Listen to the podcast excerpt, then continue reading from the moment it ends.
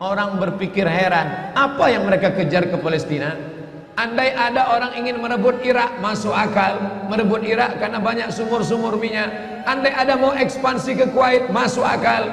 Karena sumur minyak di Kuwait banyak. Kenapa kembali ke Palestina? Ada apa? Tanah yang tandus, tanah yang kering kerontang.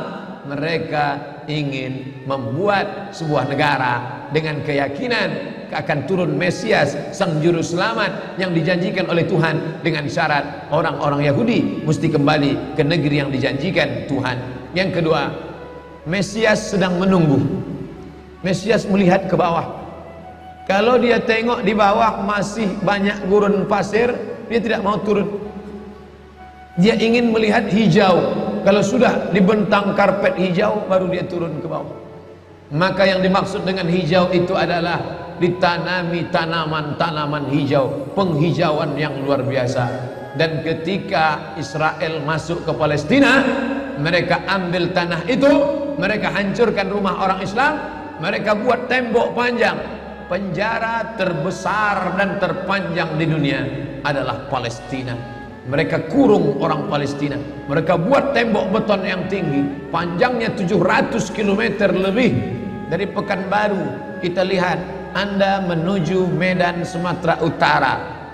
600 km mereka membuat tembok tinggi 700 km bayangkan umat Islam terisolir dan mereka tanami hijau-hijau. Makanya Allah berkuasa Allah mau tunjukkan kuasa.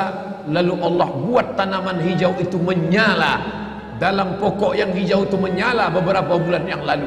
Heran orang Allah mau menunjukkan kekuasaannya. Kalian tidak mau tolong Palestina. Aku yang akan menolongnya. Tanaman yang hijau yang mereka tanam itu tiba-tiba terbakar. Tidak ada yang bisa mematikannya. Sampai-sampai reporter wartawan Amerika mengatakan tidak ada yang bisa mematikan kebakaran ini kecuali Tuhan karena dia yang membakarnya. Ibu yang dimuliakan Allah SWT tanaman apa yang mereka tanam?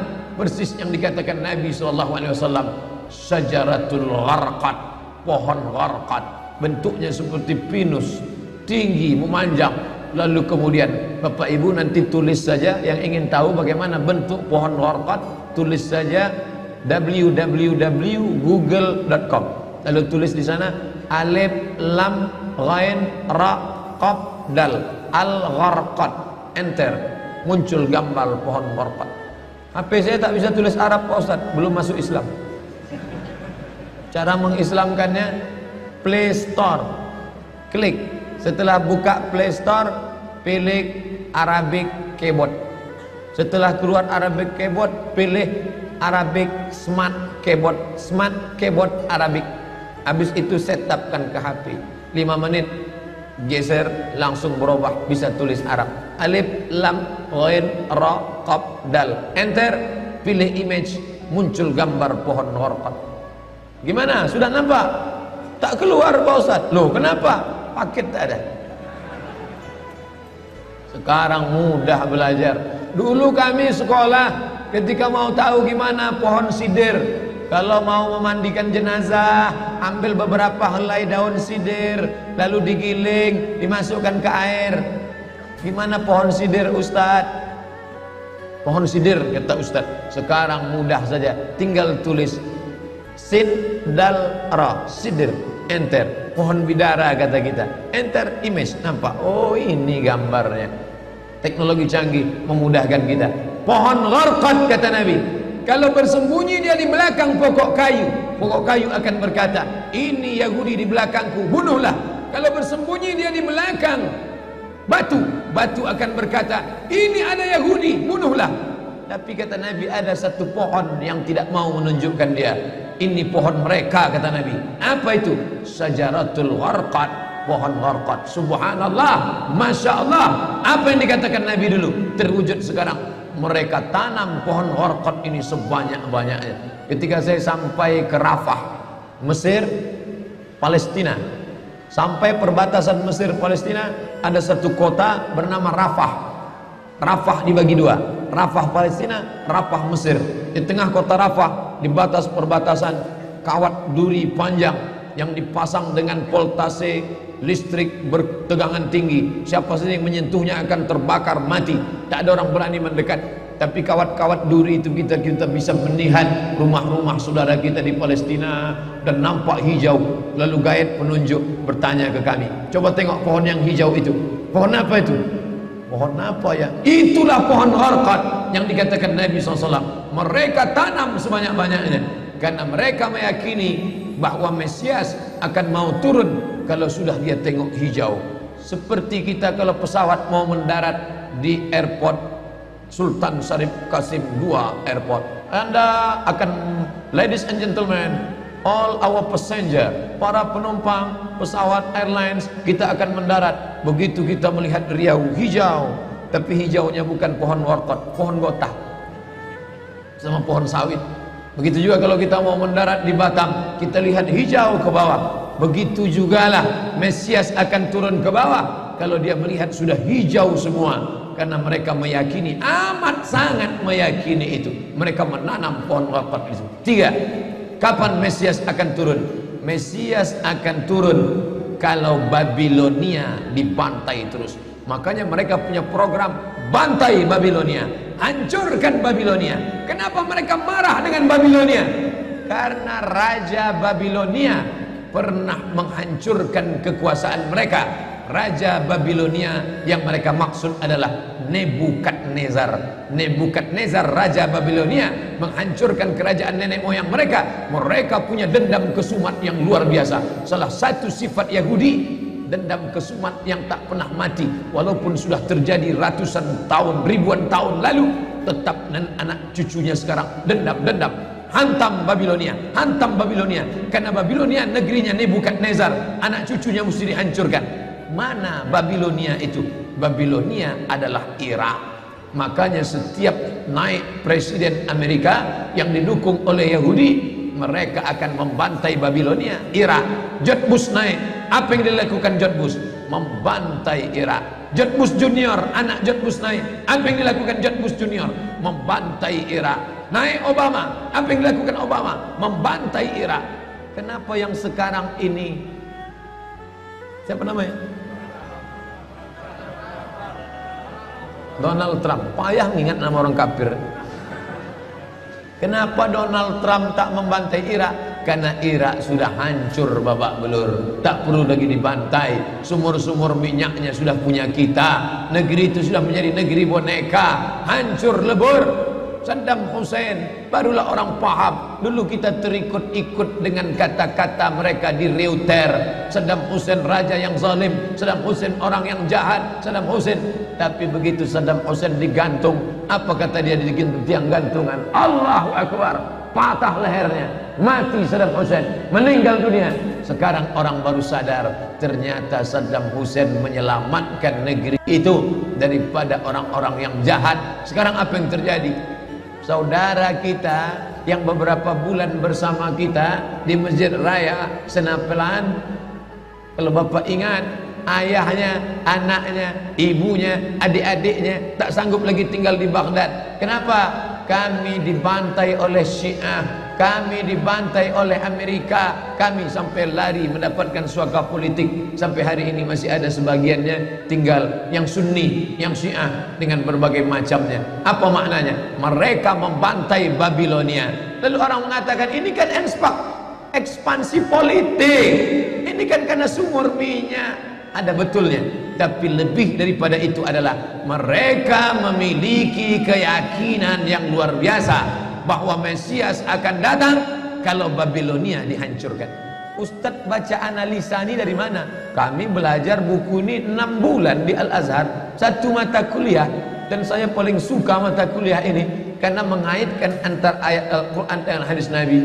Kalau kita suka mata kuliah itu, kita ingat isinya, kita ingat orang yang mengajarnya. Saya masuk Al-Azhar 1998 Hari ini 2017 19 tahun yang lalu. Kalau saya pejamkan mata saya Masih ingat saya Syekh Dr. Fargallah Yang mengajarkan mata kuliah ini. Dengan semangat dulu dia di lokal mengatakan Anak-anakku sekalian Beginilah mereka akan menguasai umat Islam Negeri Palestina semangat Syekh Fargallah saya tak tahu apakah dia masih ada atau tidak tapi pahala akan tetap mengalir baik beliau hidup maupun sudah meninggal dunia. Kenapa? Saya sampaikan kepada bapak ibu bapak ibu sampaikan kepada anak menantu sahabat kerabat tetangga mengerti keadaan kita zaman sekarang. Jangan sampai dikatakan Palestina bukan urusan kita. Ini kan masalah politik. Indonesia ya Indonesia Palestina ya Palestina antum tidak mengerti masalah dunia. Palestina adalah masalah umat Islam. Subhanalladzi asra bi'abdihi maha suci Allah yang sudah memperjalankan hambanya. Minal masjidil haram dari masjidil haram. Ilal masjidil aqsa masjidil aqsa. Masjidil aqsa Palestina. Kita yang tertulis dalam kitab suci kita bahwa kita punya ikatan emosional. Kenapa kita tidak yakin itu? Yahudi ajarannya dibuat-buat. Ajarannya mitos tapi mereka punya keyakinan yang luar biasa. Mereka rebut negeri itu. Mereka kuasai. Mereka hancurkan negeri musuh. Atas dasar apa? Keyakinan bahwa Mesias akan datang. Yang kelima apa yang mereka lakukan untuk Palestina? Mereka meyakini ada Temple of King Solomon. Temple kuil King Solomon Raja Sulaiman Datang pula orang Indonesia latah dikatakannya Sulaiman ini kerajaannya bukan di Palestina, di Yogyakarta, Sleman. Kata dia, King Solomon itu punya temple kuil dan Temple of King Solomon letaknya pas di bawah Al Masjidil Aqsa. Apa maknanya? Mereka mengeruk setiap hari bulldozer, traktor, ekskavator, terus mengeruk keliling Masjidil Aqsa. Mereka ingin meruntuhkan Masjidil Aqsa. Tulis Temple of King Solomon. Enter. Pilih image. Tampak gambar. Replika. Inilah kerajaan Sulaiman yang ada di bawah Masjidil Aqsa akan mereka naikkan. Mereka sudah bangunkan rumah kecil replikanya. Seperti orang Riau membuat rumah replika. Rumah Melayu Kampar rumah Melayu Siak rumah Melayu Bengkalis. Di mana rumah itu? Di Purna MTQ anak-anak kita kalau mau tahu bagaimana rumah Melayu Kampar bagaimana rumah Melayu Siak bagaimana rumah Melayu Pelalawan pergi ke sana. Sebagiannya ada sebagian tak ada entah ke mana perginya. Tapi mereka membuatkan itu inilah dia replika kerajaan Temple of King Solomon. Artinya apa? mereka ingin menghancurkan Al-Masjidil Aqsa berkeping sampai akhirnya disitulah nanti kemarahan umat Islam. Entah marah entah tidak. Melihat gayanya tak marah.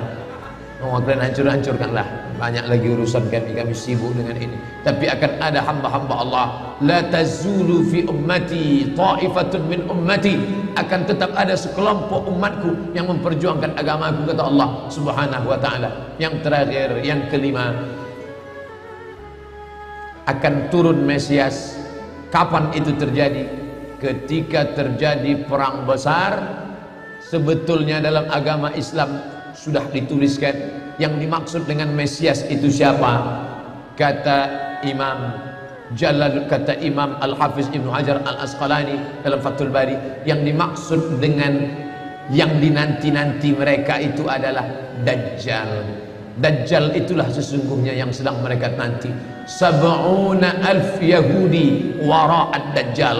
Ada 70 ribu Yahudi yang akan berada di belakang Dajjal ketika dia turun nanti. Makanya tiap hari tiap petang kita berkata, Allahumma inni a'udzubika min azab jahannam wa min azabil qabri wa min fitnatil mahya wal mamat wa min syarri fitnatil masihid dajjal. Dajjal itulah yang sedang mereka tunggu. Dajjal itulah yang sedang mereka nanti-nantikan. Kita menantikan kedatangan dia pun juga menantikan akan kedatangannya. Bedanya apa? Mereka meyakininya dengan semangat semangat mereka luar biasa. Mereka mereka bangkit. Umat Islam percaya. Padahal tiap hari dia katakan sebelum salam Allahumma inni a'udzubika min adzabi jahannam wa min adzabil qabri wa min fitnatil mahya wal mamat wa min syarri fitnatil masiihid dajjal. Tiap hari dikatakan tiap hari diucapkan. Tapi dalam hati betul tak dajjal ini datang? Entah iya entah tidak. Mereka yakin dajjal akan datang. Tapi mereka katakan itulah pemimpin kami. Itulah Tuhan kami itu adalah jelmaan daripada Tuhan kami. Itu yang yang menghancurkan dunia. Dia akan menjadi panutan kami. Kita berkata itu musuh kami. Tapi kita pun ragu entah musuh entah tidak. Oleh sebab itu kita minta ampun kepada Allah atas kurangnya iman kita. Subuh ini kita bangkitkan semangat kita. Tapi yang datang kepada kenapa Allah tidak menolong? Katanya Allah itu maha kuasa. Cukup dia teriakkan saja malaikatnya satu berteriak pecah gendang telinga orang Yahudi mati cukup dia tiupkan angin sejuk terhirup mati kenapa tidak dia matikan saja Yahudi itu datang Syekh Muhammad Jibril Syekh Dr. Muhammad Jibril Syekh Profesor Dr. Muhammad Jibril dosen tafsir Al-Azhar kami undang mahasiswa Indonesia mengundang di waktu di Mesir dulu kuliah lalu saya tanya Assalamualaikum Syekh ya kaum Ad binasa kaum Samud binasa kaum Midian binasa kaum Iram binasa kaum Fir'aun binasa kenapa Allah tidak membinasakan Israel ini Senyum Syekh Muhammad Jibril. Apa kata dia? Ya beni, anakku. Seandainya Allah membinasakan Israel ini, lalu apa yang tersisa untukmu? Ditunjuknya saya. Seandainya Allah membinasakan Israel ini, lalu apa yang tersisa untukmu? Terdiam saya.